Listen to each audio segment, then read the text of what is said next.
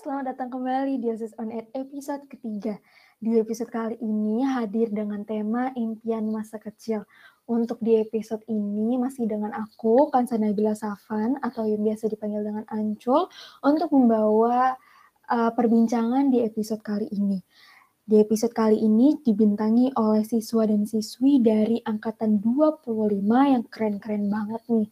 Langsung aja tanpa berlama-lama lagi, aku bakal sapa narasumber kita yang pertama. Kepada narasumber yang pertama, dipersilahkan.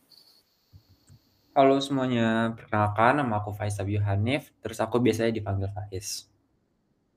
Hai Faiz. Halo juga Cul.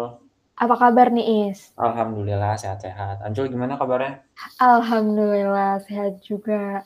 Oke langsung aja aku aku mau sapa narasumber kedua nih kepada narasumber kedua dipersilahkan. Halo semuanya, nama aku Angelivi Januarti Zakina, biasa dipanggil Livi. Hai Livi. Halo Cul. Livi apa kabar? Baik, baik, alhamdulillah. Alhamdulillah. Oke, so far dua narasumber kita nih, alhamdulillah kabarnya baik ya. Langsung aja aku mau sapa lagi nih narasumber kita yang ketiga. Kepada narasumber ketiga, dipersilahkan. Halo semua, perkenalkan nama aku Talita Yarhamni atau bis bisa dipanggil Tata. Oke, aku panggil Tata aja ya. Iya dong, nggak apa-apa. Oke, hai Tata. Hai juga, Cul. Apa kabar nih? Baik, baik. Oke, alhamdulillah. Oke, lanjut. Aku mau sapa lagi narasumber kita yang keempat kepada narasumber yang keempat. Dipersilahkan. Halo, nama lengkap aku AMK Basyira Anjar Putri, biasanya dipanggil Syira. Hai Syira, apa kabar? Hai Cul, baik kok, Alhamdulillah. Alhamdulillah, nih sejauh ini narasumbernya nggak habis-habis ya guys, tenang. Last but not least, aku bakal sapa narasumber kelima kita. Kepada narasumber kelima dipersilahkan. Halo semua, nama lengkap aku Orlan Evan Irya Musa, biasa dipanggil Orlan. Hai Orlan, apa kabar? Baik dong, Cul. Oke, kita sudah bertegur sapa dengan kelima narasumber kita pada episode kali ini. Oke, sebelum kita masuk ke pertanyaan nih, boleh nggak diceritain sedikit dulu impian kalian waktu kecil tuh apa, dan alasan kalian punya mimpi seperti itu tuh apa? Boleh langsung dijawab, dimulai dari Faiz, dipersilahkan. Pas aku masih kecil sih, aku dulu pernah mimpi, mungkin ini agak aneh ya, tapi aku dulu pengen banget jadi pemadam kebakaran. Karena dulu sebenarnya ceritanya sih belakangnya, karena dulu pas masih TK, itu ada acara gitu, kayak acara field trip ke uh, kantor pemadam kebakaran, ke fire station, terus aku ngelihat gimana pemadam kebakaran tuh kerja, terus ke truknya dulu aku pikir keren banget kan, harus apa, truknya gede warna merah, terus mereka simulasi kayak mademin api di depan anak-anak kecil. Dan saat itu aku starstruck banget. Dan mikir aku pengen banget jadi pemadam kebakaran. Itu sih mungkin mimpi yang berlangsungnya cuma sebentar, tapi itu mimpi aku yang dulu aku pengen banget pas masih TK sampai mungkin kelas 2 SD kali ya. Oke, mungkin, uh, kalau aku, aku tuh dulu mau banget jadi dokter bedah. Kalau misalnya dari dokter sendiri sih, karena banyak orang yang mau jadi dokter kan, dan kayak aku ngeliatnya kayak pekerjaan yang mulia gitu ceritanya. Tapi kalau bedahnya sendiri kenapa mau dokter bedah, karena aku tuh kayak ngerasa adrenalinnya tinggi aja gitu kalau misalnya kita jadi dokter bedah, kayak seru aja gitu. Mungkin ini agak psycho ya teman-teman, tapi yang aku lihat dulu kayak kayaknya seru ya punya pekerjaan yang lihat darah gitu. Mungkin ya kayak gitu sih. Kalau aku sih dari kecil pengen banget jadi dokter karena ngeliat ayah aku sendiri kan. Tapi kalau aku uh, lebih pengen jadi dokter anak karena aku sendiri suka banget sama anak-anak. Sama aku pengen banget jadi artis. Nggak tahu kenapa karena dari kecil kalau ngeliat kamera tuh sok pede aja gitu. Sama banget aku juga dulu tuh kayak punya mimpi pengen jadi artis gitu. Sampai kalau misalnya ditanyain kamu pas gede mau jadi apa? Mau jadi artis? Jujur gak tahu sih dari mana dengarnya mungkin karena kayak dulu suka ada tayangan-tayangan kayak selebriti gitu di TV makanya pengen Cuma selain itu, aku juga ada mimpi yang nggak jauh-jauh dari dokter sih, cuma dokternya tuh agak aneh nih. Aku dulu pengen jadi dokter forensik, itu kan nggak common ya. Kenapa aku mau jadi dokter forensik waktu itu? Karena dulu tuh mama aku sering nyetel kayak film CSI gitu, terus aku tuh kayak ngerasa, eh keren deh jadi dokter forensik, kayak neliti-neliti kayak crime scene gitu, terus kayak mecahin misteri ini kenapa bisa matinya kenapa gitu-gitu segala macam, terus kayak keren aja gitu dulu mikirnya. Gitu sih kalau aku. Kalau aku dari dulu pengen banget jadi pembuat pesawat. Kayak dari dulu kepikiran banget udah jadi Orlan Evan the next Habibie. Karena mungkin aku karena suka aja pesawat, kayak terkagum-kagum sama cara kerjanya, suasana pesawat, interior pesawat, uh, suaranya, pokoknya overall vibe pesawat aku suka banget. Uh, dan juga dulu tuh kan pernah diceritain kayak Indonesia punya pesawat, uh, cuman belum dilanjutin aja. Terus aku punya mimpi buat kayak lanjutin pembuatan pesawat di Indonesia itu sih. Oke, terima kasih banyak nih kalian udah menyampaikan sebenarnya mimpi dulu kan waktu kecil apa sih? Ada Faiz yang dulu mimpi ya jadi pemadam kebakaran, ada Livi yang punya mimpi jadi dokter bedah, Shira sama Tata yang dulu sempat pengen jadi artis, terus Shira jadi pengen apa dokter forensik, terus Tata jadi dokter anak, kemudian Orlan juga pengen the next Habibi. Dari sini kita melihat latar belakang bahwa dulu kita memiliki impian kecil yang berbeda-beda dan bervariasi. Oke, next langsung aja kita ke pertanyaan pertama.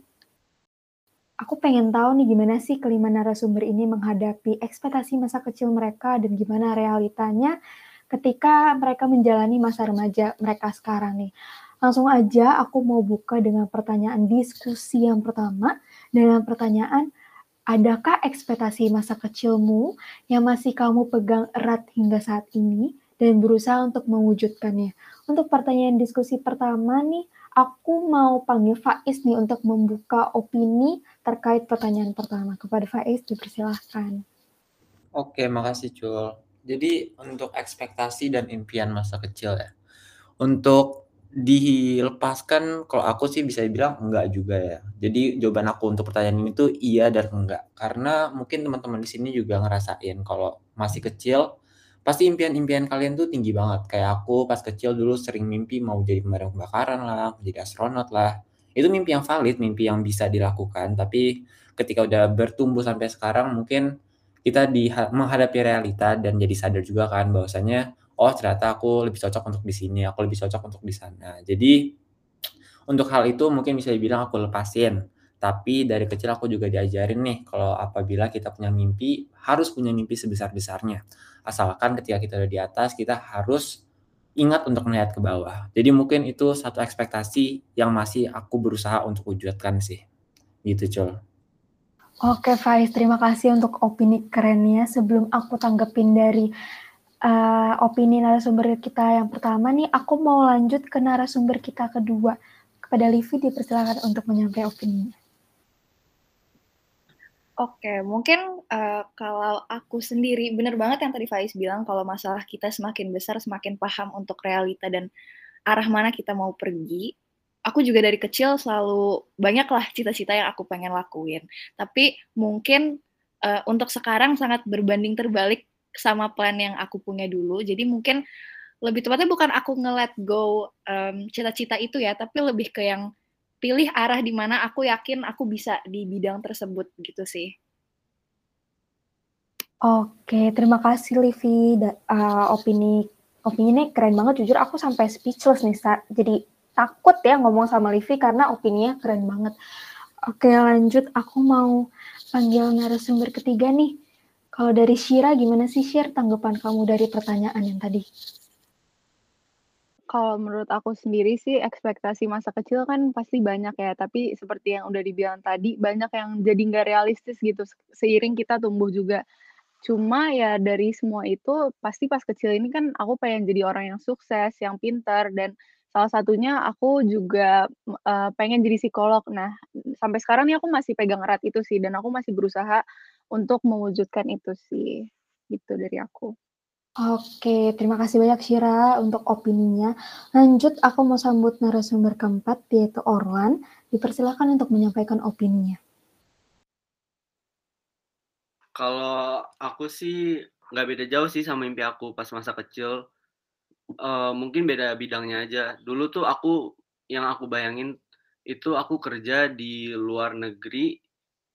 Tapi dulu specifically pengen jadi pembuat pesawat the next Habibie. Cuman sekarang karena makin realistis gitu ngelihat pelajaran fisika, terus pernah coba belajar bahasa Jerman, jadi uh, kayaknya ngerasa itu nggak cocok buat aku. Jadi mungkin aku masih searah ya sama mimpi aku masa kecil, cuma beda bidang aja. Oke, thank you Orlan buat. Oke, terakhir aku mau dengar opini dari Tata nih. Pada Tata dipersilahkan. Hmm, kalau aku sendiri sih jujur masih banget yang namanya megang erat ekspektasi masa kecil karena aku dari kecil tuh pengen banget jadi dokter karena ngeliat ayah aku sendiri. Uh, tapi mungkin makin sekarang makin yakin juga, tapi ada juga impian-impian yang malah muncul sekarang dan lebih tinggi lagi gitu. Oke, terima kasih opininya dari Talita Irham ini untuk menutup diskusi kita dari pertanyaan yang pertama. Dari opini kelima narasumber yang berbeda-beda nih, aku bisa aku bisa nangkap bahwa seperti kata Faiz ya bahwa it's okay untuk ngeliatin go apa ekspektasi kita di waktu kecil dan it's okay juga untuk punya mimpi yang tinggi ya Is, benar ya Is? Iya dong, nggak apa-apa. Oke, aku juga ada wejangan dari orang tua aku bahwa kalau misalkan kamu berani untuk bermimpi, maka kamu juga harus berani untuk kecewa. Jadi uh, buat teman-teman nih yang masih memegang erat mimpi kalian dari kecil sampai sekarang, um, kalau misalkan dari aku dan dari jawaban nara kelima narasumber pada episode kali ini, kamu harus tahu apa yang ingin kamu ambil, apa yang ingin kamu jalani, dan konsekuensi dibalik dari impian kamu. Selanjutnya aku mau langsung aja di pertanyaan kedua, yaitu apa hal yang paling berbeda dengan ekspektasi ke kamu saat masih kecil? Aku mau pertanyaan ini dijawab sama Orlan. Kepada Orlan, dipersilahkan. Oke, yang paling berbeda, uh, mungkin itu sih, uh, tadi uh, bidang yang ingin aku tuju dulu tuh bener-bener pengen jadi pembuat pesawat ngebayangin jadi the next Habibie. Cuman ya karena SMA waktu itu baru pertama kali belajar fisika, ya realistis aja deh itu kayaknya aku nggak cocok di bidang itu. Jadinya aku pindah ke bidang seni. Mimpi aku saat ini jadi pengusaha enter, uh, pengusaha seni buat pengrajin-pengrajin lokal buat buat buka pekerjaan buat mereka dan semacamnya. Dan yang berbeda juga dulu aku tuh mimpi cuma sebatas pengen kerja di luar, hidup di luar negeri, terus ya udah gitu. Enaknya di aku sendiri. Tapi makin ke sini mikirnya kayak nanti kalau aku udah sukses di luar negeri aku bakal balik ke Indonesia buat untuk implementasikan lah apa yang sudah aku gapai. Itu sih cowok Oke, terima kasih Orlan.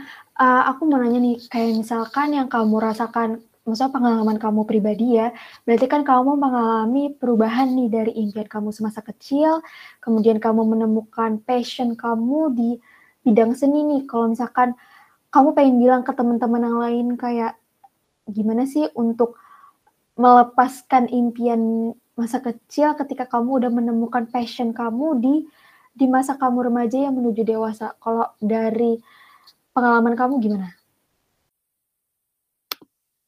Um, terlepas dengan sendirinya sih pasti. Soalnya pas kecil kan kita nggak banyak pertimbangkan pertimbangan kan pengen jadi apa pengen jadi apanya. Nanti SMA kita ngadepin sendiri kayak aku sendiri ngadepin fisika ternyata susah belajar bahasa Jerman ternyata susah requirement masuk kuliah di luar ternyata susah. Jadi ya terlepas dengan sendirinya gitu. Terus nanti kita bakal nemu apa yang cocok buat kita tanpa kita arahin itu Oke, jawabannya mantep banget ya.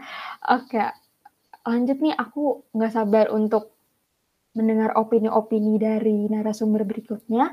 Aku mau next ke pertanyaan selanjutnya, yaitu apakah kamu mengalami kegagalan dari ekspektasi masa kecilmu? Kayak pertanyaan ini agak deep ya. Aku mau dengar opini dari Levi. Kepada Levi dipersilahkan. Oke, jadi Oke, untuk pertanyaannya sebenarnya kan mengalami kegagalan ya, Cil ya? Yes. Nah, mungkin kalau di case aku sendiri, aku sebenarnya bukan masalah kegagalannya, tapi aku sadar dirinya itu yang cukup tinggi ya. Jadi mungkin kalau boleh cerita, dari SD itu aku jelek banget di pelajaran matematika. Matematika. Bukan bukan aku bukan aku melimitasi uh, cita-citaku. Jadi cita-citaku itu dulu mau jadi dokter sampai punya udah pengen mikirin kayak ah mau banget nih jadi dokter bedah gitu.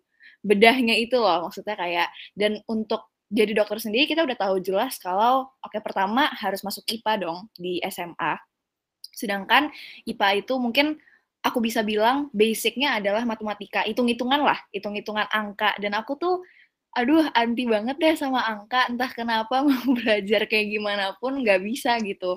Jadi akhirnya aku lebih pilih ke literatur atau hafalan lebih tepatnya IPS nah kalau misalnya di IPS sendiri aku nggak expect aku bakal sesuka ini tapi jujur banget aku su suka banget sama IPS terutama pelajaran sosiologi.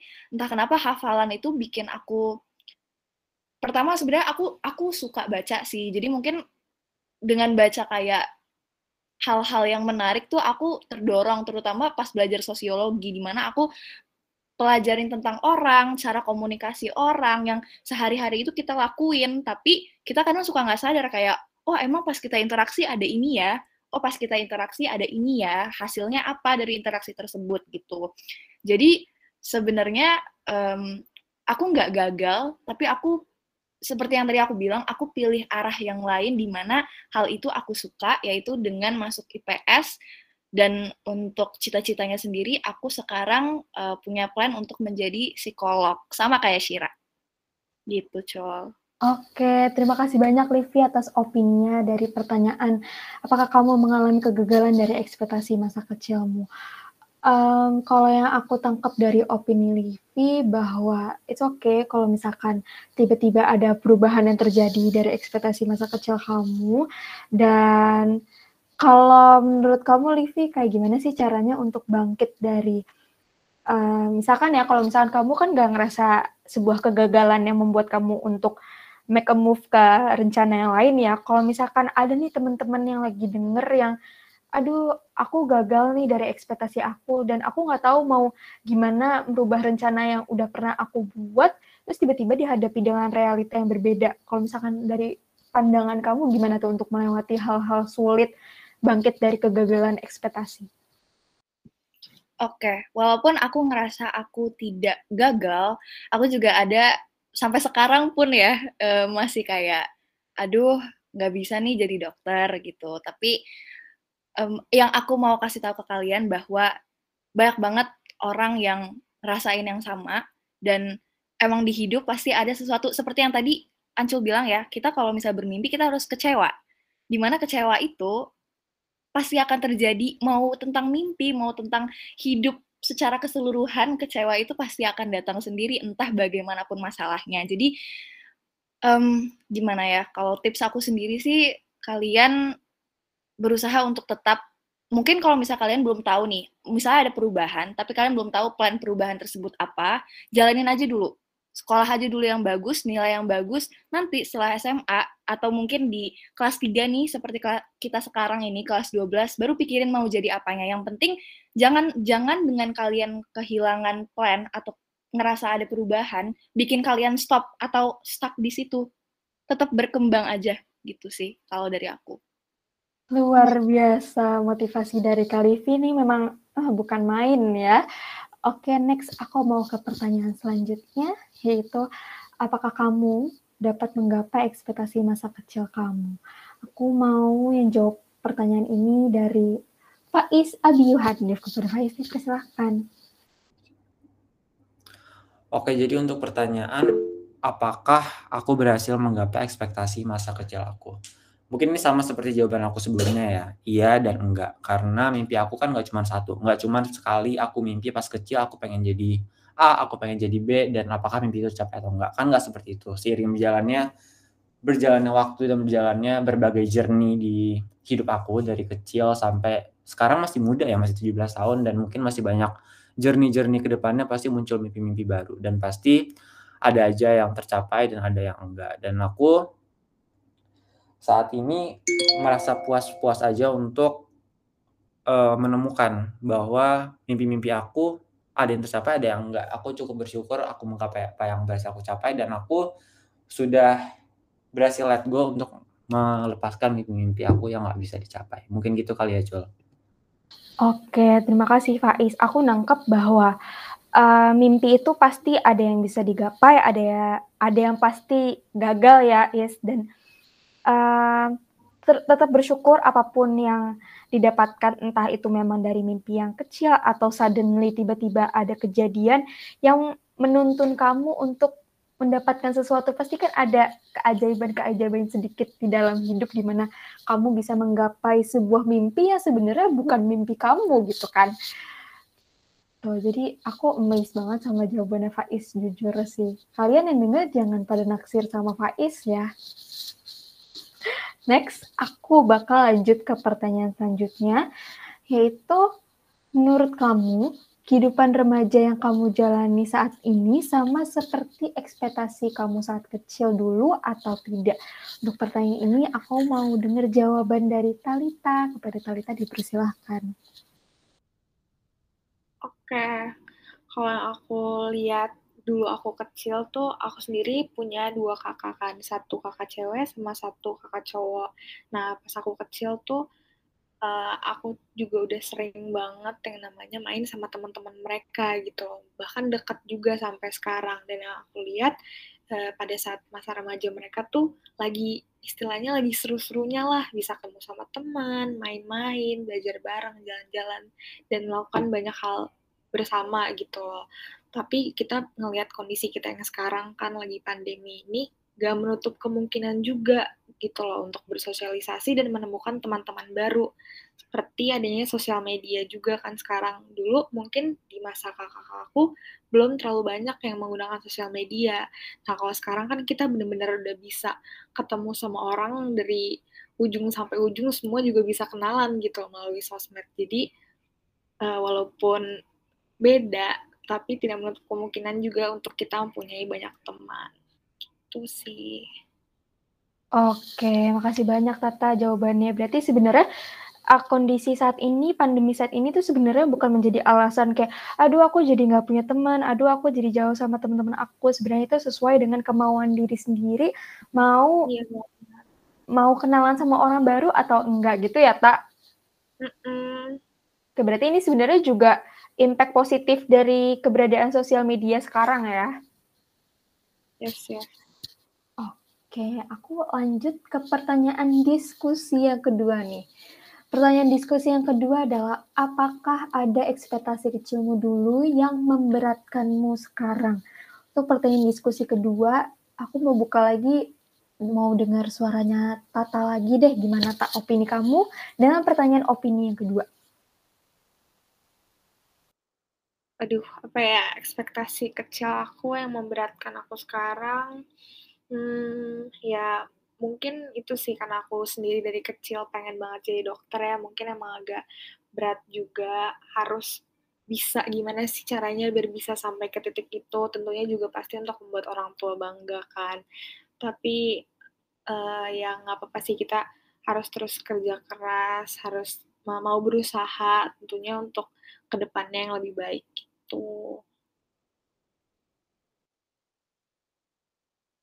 Oke, jujur aku relate banget sama Talita karena kebetulan mimpi kita di masa depan sama ya, Ta. Jadi kita agak teman perseju seperjuangan nih sampai sampai takut ya, sampai nervous nih aku ngomong yang besar banget ya kan, besar banget tapi at the same time aku kadang ngerasa, aduh aku belum belum ngapa-ngapain untuk mendapatkan mimpi besar yang ada di depan gitu. Berarti it's okay karena jalani aja karena pasti ada jalannya.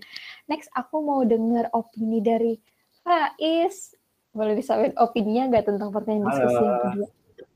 Iya, iya. Gimana nih Is? Ekspektasi yang memberatkan ya. Ada sih sebenarnya, ada, ada, ada. Jadi aku tuh dari kecil ada salah satu uh, ekspektasi aku terhadap diri aku. Mungkin juga karena aku ngeliat kedua orang tua aku yang aku aku cukup apa ya uh, aku jadikan sebuah tokoh inspirasi buat aku, kedua orang tua aku, dan mereka adalah orang-orang yang bisa nge-influence orang lain dan itu adalah ekspektasi yang aku tetapkan pada diri aku sejak aku kecil. Aku dari kecil itu selalu mimpi kalau aku gede, aku harus bisa jadi orang yang dipandang bisa nge-influence orang lain. Aku harus bisa memimpin orang dan itu adalah mimpi yang aku masih berusaha untuk untuk aku capai sampai saat ini dan itu bisa dibilang juga impian yang berat ya karena progresnya juga harus banyak dan persiapannya juga harus banyak dan kalau kita mau nge-influence orang lain kita harus bisa memimpin diri sendiri dan itu juga adalah salah satu challenge yang mungkin sebagian besar anak remaja uh, hadapi saat ini. Mungkin gitu kali ya, Jol. Oke, keren banget ya opini dari Faiz. Next, aku mau dengar opini dari Orlan. Kepada Orlan dipersilahkan. Hmm, kalau aku, aku juga masih pertahanin mimpi aku yang masa kecil. Terus ada sih rasa bebannya itu yang aku tuh takut kayak dulu gitu loh. Kan makin ke depan kita pasti makin banyak pertimbangan. Uh, pas sehingga standar mimpi kita ya turun lah. Misalnya dulu pengen apa, tapi karena sekarang menghadapi realita kayak, aduh pelajaran ini ternyata susah, aduh aku nggak bisa ini, aduh itu takutnya aku jadi mindset denial aku buat nggak mau berusaha lebih keras untuk mencapai mimpi aku. Kayak quote Soekarno itu loh yang Bermimpi setinggi langit, jika engkau jatuh, engkau akan jatuh di antara bintang-bintang. Itu aku masih berpegang teguh sama mimpi itu. Jadi misalnya kita target kita 100, kalau nggak cap nggak kecapai itu kita pasti jatuh di 90 gitu-gitu. Sedangkan kalau misalnya target kita cuma 10, kita pasti jatuhnya di yang lebih rendah gitu. Oke, Itu sih dari aku, Jul. Benar banget, benar banget. Thank you Orlan buat opininya. Selanjutnya aku mau panggil Shira untuk menyampaikan opini kepada Shira. Dipersilahkan. Oke, kalau dari aku sendiri, ekspektasi aku pas kecil, seperti yang aku udah bilang tadi, uh, mungkin ini ya, pas aku SMP atau SD nggak terlalu lama yang lalu, itu tuh aku, uh, mikir kayak, "Oh SMA tuh aku bakal ngejar kuliah, aku bakal belajar lebih rajin, dan aku mikir bakal naikin semua nilai aku dan bener-bener lebih ya pokoknya lebih tekun lah di semua itu." Dan emang aku te terus berusaha juga di kelas 12 ini apalagi, cuma ya namanya itu, uh, ya susah juga untuk, uh, mencapainya karena ya kita ngelihat juga realitanya di sini banyak juga orang-orang yang mau masuk PTN yang aku juga mau gitu dan kita semua tuh berjuang di sini dan ya namanya ekspektasi dan harapan pasti harus ada perjuangannya gitu dan mungkin itu yang agak berat gitu loh meskipun ya kita semua berjuang bareng-bareng tapi ya kita ada struggle masing-masing lah ya kira-kira gitu sih dari aku. Oke, terima kasih banyak jawaban bijak dari Kakak Shira ya. Terima kasih banyak. Terakhir untuk menutup pertanyaan diskusi yang kedua, aku mau panggil Livi untuk menyampaikan opini pada Livi dipersilakan. Oke, mungkin aku uh, sebagai narasumber terakhir di pertanyaan ini, opini aku agak berbeda soal pertanyaan tersebut, di mana aku dan ngerasa ekspektasi kecil aku itu memberatkan diri aku sekarang. Sebenarnya benar yang dibilang Shira kalau masalah belajar dan sebagainya, iya benar sama, perjuangan juga. Tapi kalau ekspektasi kecil, aku sebenarnya nggak ada yang memberatkan. Aku lebih fokus ke masa depan sama present atau masa sekarang. Lebih ke yang kayak, oke okay, sekarang Livi maunya apa nih? Nanti ke depannya gimana? Mungkin kalau misalnya dulu, aku udah nggak jadiin ekspektasi kecil aku udah nggak aku jadiin sebagai bahan pertimbangan lagi gitu di mana aku lebih fokus ke yang Livi yang sekarang beda sama Livi yang dulu. Mungkin Livi yang dulu belum banyak ilmu pengetahuan, belum banyak research. Sedangkan Livi yang sekarang udah insya Allah um, lebih berwawasan luas, punya udah tahu plannya seperti apa di masa depan. Makanya aku sebenarnya untuk ekspektasi kecil dan masa lampau, keinginan masa lampau udah nggak ada yang memberatkan aku karena aku lebih apa ya istilahnya lebih lebih sincere aja gitu untuk lebih fokus ke masa depan gitu sih, Cul. Oke, jujur aku suka banget sama jawaban Livi, apalagi part yang harus fokus sama Livi yang sekarang. Jujur aku langsung, oh iya bener juga bener banget karena aku kadang masih kebayang-bayang kayak, aduh nggak bisa, nggak bisa dapet mimpian dulu nih karena aku masih dibayang-bayang oleh ancul yang di masa lalu nih ya luka batin dulu Tapi aku aku baru nyadar sekarang bahwa aku harus ngejalanin Ancul yang sekarang gitu. Oke, terima Mhm. kasih banyak Livi sudah menyadarkan aku di episode kali ini. Jawaban narasumber malam cut one. Opini-opini narasumber eh. Eh. Oke. Opini-opini dari kelima narasumber di episode kali ini jujur buat aku speechless banget sih karena udah pada dewasa banget ya nih para para remaja-remaja ini yang ha- hampir menempuh ke jenjang kuliah ya. Lanjut aku mau ke pertanyaan selanjutnya. Pertanyaannya adalah apakah kegagalan dari ekspektasi masa kecil pernah menyebabkan stres atau hal-hal buruk yang lain? Jika iya, bagaimana cara mengatasinya? Untuk pertanyaan ini aku mau dengar jawaban dari Syira. Kepada Syira dipersilahkan. Oke, untuk pertanyaan yang ini, eee, mungkin bukan ke ekspektasi masa kecil ya, karena ekspektasi masa kecil kan emang agak nggak realistis ya buat aku dan mungkin orang-orang juga mikirnya kayak itu kan udah yang dulu dan kayak kita mikirnya ya itu udah nggak sesuai dengan pemikiran kita sekarang gitu. Nah, mungkin nggak sampai bikin stres gitu loh kalau misalnya ekspektasi masa lalu, cuma ekspektasi sekarang gitu loh, yang kayak misalnya kita nih sekarang sebagai, eee, anak kelas 12 kita tuh udah mulai ngelihat teman-teman kita, eee, mulai berorganisasi sana sini gitu, terus mereka produktif, banyak prestasi dan kayak kita tuh jadi ngerasa FOMO atau fear of missing out banget. Dan aku ngerasa jujur orang-orang tuh jadi ngerasa gagal karena ngerasa mereka nggak sebaik orang lain, tapi sebenarnya kita tuh nggak bisa ngelihat dari situ gitu loh, kita tuh harus ngelihat dari porsi diri kita sendiri. Jadi dari aku gimana cara ngatasin rasa kegagalan itu, ya sebenarnya kita tuh harusnya misalnya kita mau mencapai sesuatu nih, kita tuh harus hargain gimana kita ngelewatin prosesnya, apa yang udah kita keluarin buat buat ngelaluin itu semua. Karena at the end hasil tuh ya emang sebenarnya nggak ada yang tahu gitu loh, itu emang kita yang penting udah berusaha sebisa kita, don't be too hard on yourself, dan hasilnya itu semua ya emang Tuhan yang nentuin gitu loh, kita bisa apa gitu loh, kita udah belajar mati-matian, kita mau begadang tiap hari mau belajar misalnya untuk dapet apa, untuk dapet sekolah yang kita mau, tapi ternyata emang dari Tuhan belum bukan buat kita gitu, ya kita bisa apa gitu loh. Jadi ya sebenarnya, ya kita harus lebih ngehargain diri kita aja sih, dari semua ekspektasi-ekspektasi kita, apalagi ekspektasi orang lain, yang penting tuh kita dulu gitu loh. Oke, ak dari aku sih itu dulu. Oke, terima kasih Syira jawabannya. Aku mau simpulin bahwa kita harus tahu kapasitas diri kita ya, kita harus ngebatasin kayak, oke belajarnya sekian persen, doanya sekian persen, optimisasi sekian persen, karena memang semuanya itu dijalani harus dengan seimbang, karena kalau misalkan belajar doang tanpa doa, ya nggak mungkin ke nggak mungkin kewujud juga kan, karena, mmm, apa ya, mimpi itu bisa datang dan pergi dengan jalan yang banyak banget gitu kan. Oke, selanjutnya ke pertanyaan terakhir, yaitu pertanyaan diskusi. Pertanyaan terakhir adalah karena kita semua yang hadir pada episode hari ini udah kelas 12 ya guys, udah di ujung penghujung banget di masa masa remaja kita sebagai anak SMA. Aku mau nanya, apa ekspektasi kamu untuk ke depannya di masa kuliah atau kerja? Untuk pertanyaan terakhir nih, pertanyaan diskusi, mau aku mau buka dengan opini Orlan. Kepada Orlan dipersilahkan. Eee, untuk ke depannya aku, eee, kuliah pengen ker eh, pengen, eee, kuliah bisnis di in di luar negeri atau enggak ambil program double degree dan kerja lanjut kerja di luar.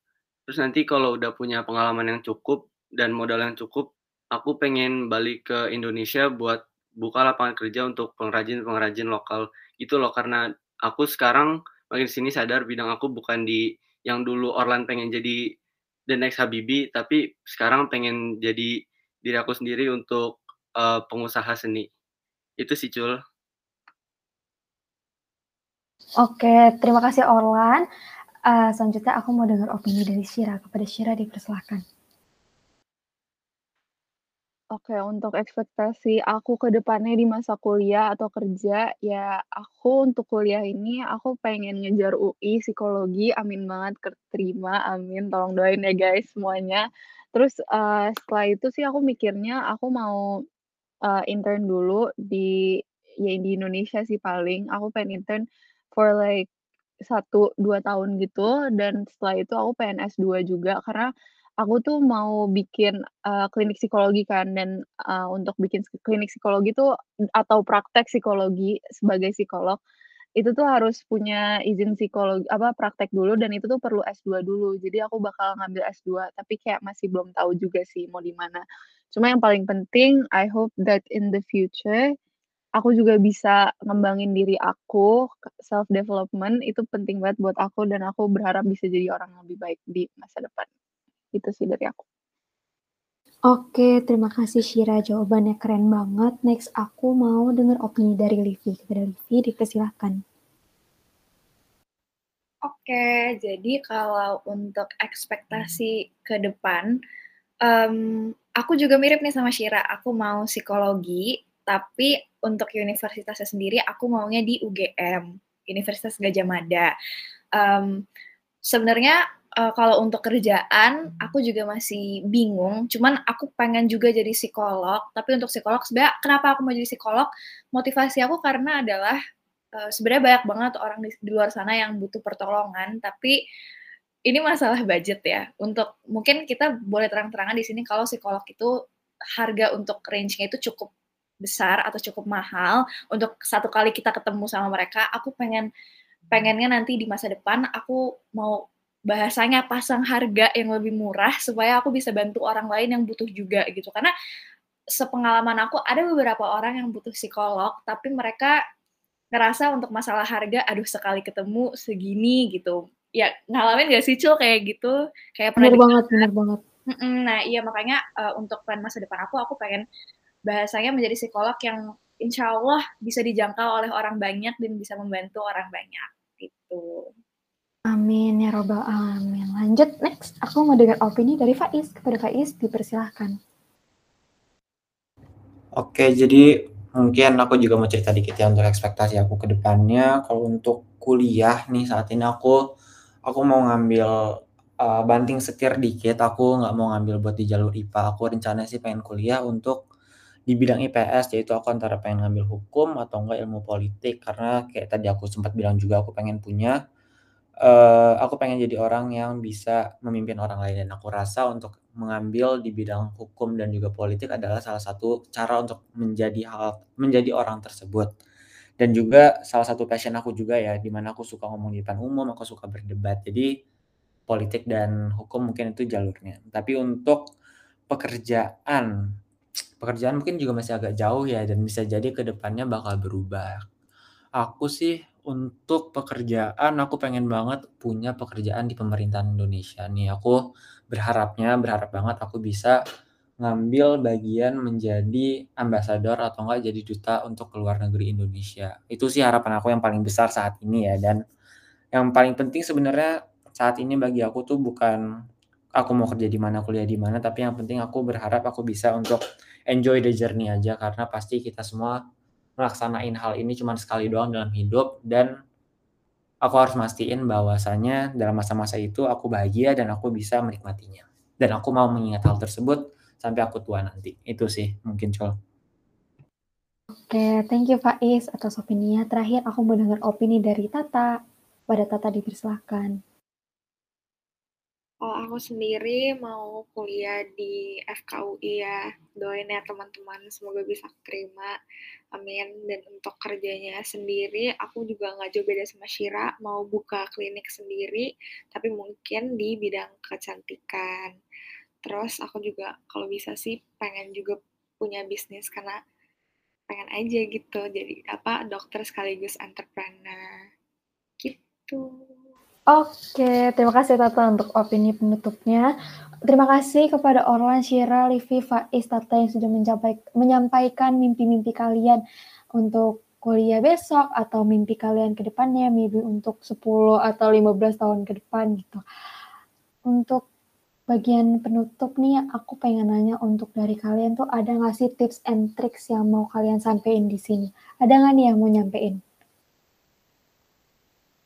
Aku mau, Cul. Oke, silahkan. Oke, jadi sebenarnya ini mengarah untuk terutama angkatan aku, angkatan 25 yang sekarang ini lagi di kelas 12, ngerasain banyak banget pressure dan maupun adik-adik kelas aku ya, nanti kalau misalnya kalian di kelas 12, kalau misalnya kalian denger ini, yang pasti jangan dibawa stres gitu. Dan yang pertama, aku pengen sampaikan kalau menurutku kalian ini ter, ini terkait kuliah ya. Pentingin aja dulu program studi atau jurusan yang kalian mau ambil karena sebenarnya uh, mau di mana pun kalian kuliah maupun itu swasta aku nggak pernah maksudnya kayak nggak ada yang pernah orang-orang nggak pernah ada yang bilang kalau swasta itu jelek cuman apa ya stigma yang udah ada di masyarakat kayak suka kayak kita pikir kayak aduh kalau misalnya nanti aku masuk swasta aku dibilang kurang kurang pinter nggak ya sama orang-orang, aku dibilang kurang ambis gak ya sama orang-orang, nggak usah mikirin kayak gitu, pentingin aja apa yang kalian mau, jurusan apa yang kalian mau, karena um, aku banyak banget dengar cerita kalau misalnya kayak uh, kayaknya aku mau deh masuk UI, tapi aku masuk UI-nya mau ambil program studi yang kurang diminati aja. Sebenarnya kalau menurut aku, aku takutnya adalah kalian udah punya kesempatan kuliah yang bagus di UI, tapi kalian nggak suka ngejalaninnya gitu loh. Jadi mungkin ini bisa jadi pelajaran untuk kita semua untuk tetap mikirin, reflect on yourself, maunya apa, maunya gimana. Kalau masalah kuliah, menurutku nggak usah terlalu dibawa stres, gitu sih. Benar banget. Kalau lain ada yang menyampaikan tips and tricks ya atau sama aja nih Livi? Gimana guys? Ya aku mau nambahin aja yang Livin bilang tadi, kayak banyak kan orang yang bikin stigma kalau misalnya masuk swasta tuh kayak, "Ih apaan sih ini orang kayaknya nggak pinter ya kok masuk swasta." Cuma ya kayak kalian kalau dengerin ekspektasi dan omongan orang tuh nggak bakal ada habis-habisnya. Jadi yang penting kalian tuh do what's best for you aja gitu loh, nggak usah pikirin orang tuh ngomong apa, karena emang lama-lama toxic juga gitu loh dan, uh, bener-bener nggak baik buat diri kalian gitu. Yang penting kalian pikirin diri kalian dulu, oke? Okay? Dan yang penting kalian mau berusaha. Itu sih dari aku. Aku setuju sih sama Livi, karena di mana pun mau kita kuliah, itu bukan dilihat dari kuliahnya, itu pasti akan dilihat cuman di mana dari kita sendiri bisa beradaptasi karena kan itu semua nanti dari kita sendiri ada juga orang yang mungkin udah masuk ke perguruan tinggi yang uh, sangat uh, diminati orang-orang tapi dia nggak sanggup mungkin emang bukan di situ jadi jangan terlalu uh, kecewa kalau emang gak bisa masuk perguruan tinggi negeri gitu. Oke, kalau dari Faiz nih untuk menutup is gimana? Oke, terakhir aku mau nambahin aja ya. Aku setuju banget nih sama teman-teman aku yang lain tadi bilang nggak usah terlalu berpaku sama stigma dan omongan yang orang lain bilang. Dan juga aku mau nambahin lagi nih, apalagi kepada teman-teman di angkatan 26 dan 27 yang saat ini mungkin mikir waktu kalian tuh masih banyak banget, tapi percaya deh, itu ternyata waktu bakal berjalan dengan cepat banget. Kayak ternyata cuman nggak berapa lama ternyata udah kelas 12, ternyata kuliah udah di depan mata. Apalagi buat teman-teman yang mau nyiapin untuk PTN, mau keluar negeri ataupun mau di swasta juga, siapin dari sekarang, kalian harus matangin kalian maunya di mana karena keputusan ini adalah keputusan yang sangat besar ya. Ini mungkin uh, aku ngomong kayak gini juga aku juga masih berusaha memutuskan. Jadi mungkin kalian harus lebih awal aja supaya lebih matang dan lebih mantap. Itu aja sih. Oke, Faiz, terima kasih untuk tips and tricksnya. Oke, terima kasih banyak untuk kelima narasumber, untuk Livi, Talita, Faiz, Shira, dan Orlan udah menyampaikan opini yang luar biasa keren banget. Kalian open-minded banget tentang diri kalian dan orang lain juga. Kalian aware dengan teman-teman sekitar kalian. Dan aku mau menggarisbawahi dari omongan kelima teman-teman aku yang luar biasa hebat banget ini bahwa jangan mengorbankan diri kamu untuk memenuhi ekspektasi orang lain. Jadi percaya bahwa kita semua memiliki jalan sukses masing-masing dan ketika kita menemui sebuah kegagalan itu bisa jadi menuntun kita untuk menemukan pintu sukses yang gak pernah ada di ekspektasi kita. Sekian untuk episode ketiga OSIS on Air dengan tema impian masa kecil. Lebih kurangnya mohon maaf. Sampai ketemu di episode selanjutnya guys. Bye!